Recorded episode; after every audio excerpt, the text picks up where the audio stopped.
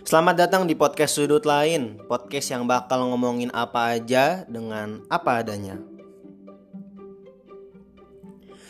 Episode pertama ini didedikasikan untuk mata mata kuliah Hak Asasi Manusia dan Kewarganegaraan di Departemen Politik Pemerintahan Fakultas Ilmu Sosial dan Ilmu Politik Universitas Gajah Mada.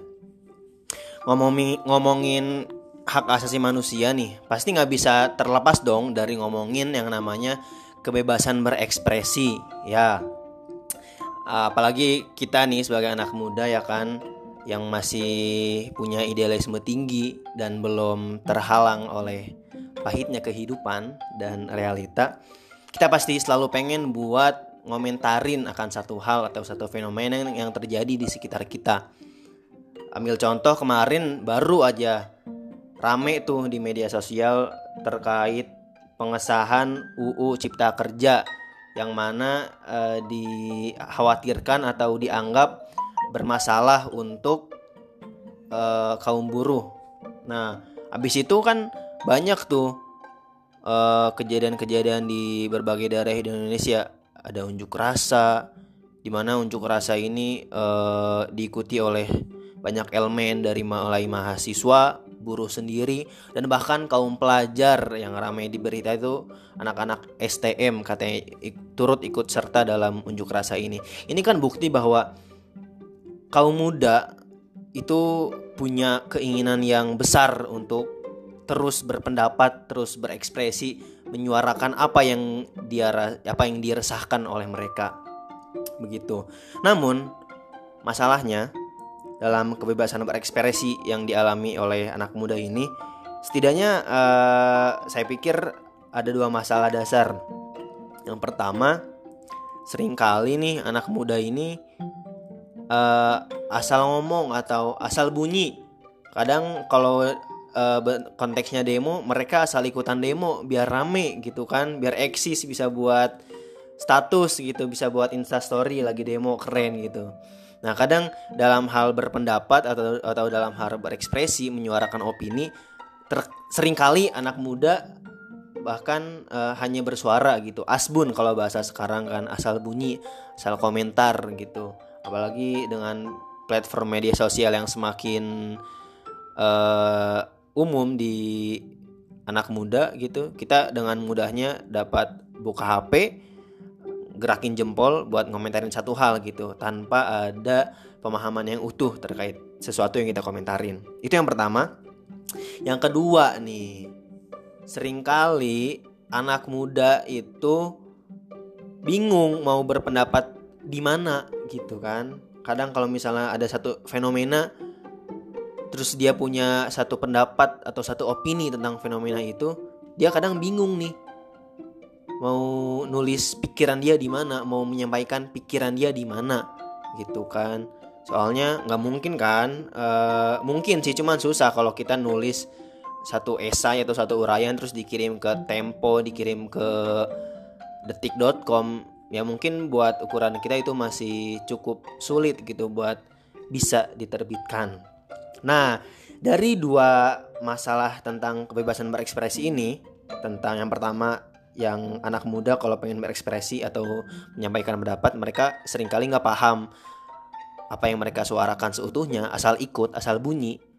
Yang kedua anak muda bingung kalau pengen ngutarain pendapatnya di mana. Dengan it, dengan dua masalah tentang kebebasan berekspresi ini saya menggagas satu ide yang sangat sederhana yaitu saya menggagas satu ruang edukasi dan tempat untuk bertukar pikiran. Ya, gagasan ini berupa akun Instagram. E, namanya adalah Publikin. Publikin e, adalah satu kita sebut saja satu akun atau satu ruang bersama gitu kan untuk bisa menyampaikan pendapat gitu. Sebenarnya Publikin ini menyajikan berbagai konten yang pertama uh, kontennya berbentuk mulai dari visual sampai audio begitu. Ada kita juga punya podcast. Ada di, bisa ditemukan di Spotify. Nah, Publikin ini bertujuan untuk mengedukasi anak muda ya karena ini kita ranahnya di media sosial kita bertujuan untuk mengedukasi anak muda terkait beberapa tema yaitu sosial, politik, sosial politik, hukum, hak asasi manusia dan ekonomi terutama yang berkaitan dengan isu atau fenomena yang sedang terjadi.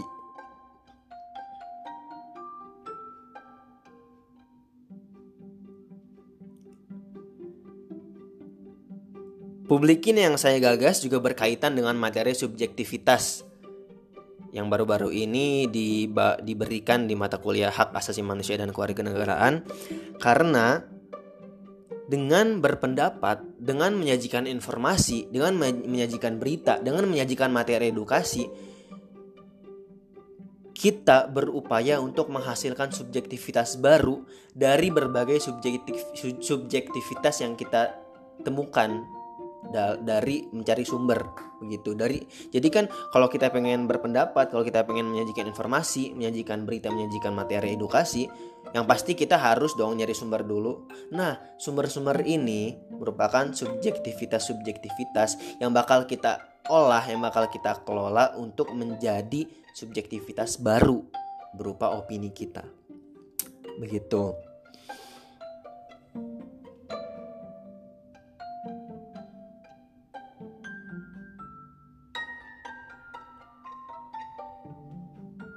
Dan berhubungan dengan kebebasan berekspresi, publikin bisa publikin bisa menjawab atau publikin diharapkan saya berharap publikin bisa menjawab dua permasalahan yang tadi kita obrolin. Yang pertama adalah anak muda yang sering kali kurang paham apa yang dia suarakan, apa yang dia ikuti, apa yang dia utarakan terkait isu sosial, politik, hukum, HAM dan ekonomi. Jadi kita menjadi satu ruang untuk edukasi untuk turut memberikan paham akan tema-tema terkait. Yang kedua, menjadi tempat untuk anak muda bisa mengutarakan pendapatnya terkait tema-tema yang tadi telah disebutkan. Silakan kunjungi akun Instagram Publikin P U B L I K I N. Mungkin cukup sekian. Salam, terima kasih dan tetap merdeka.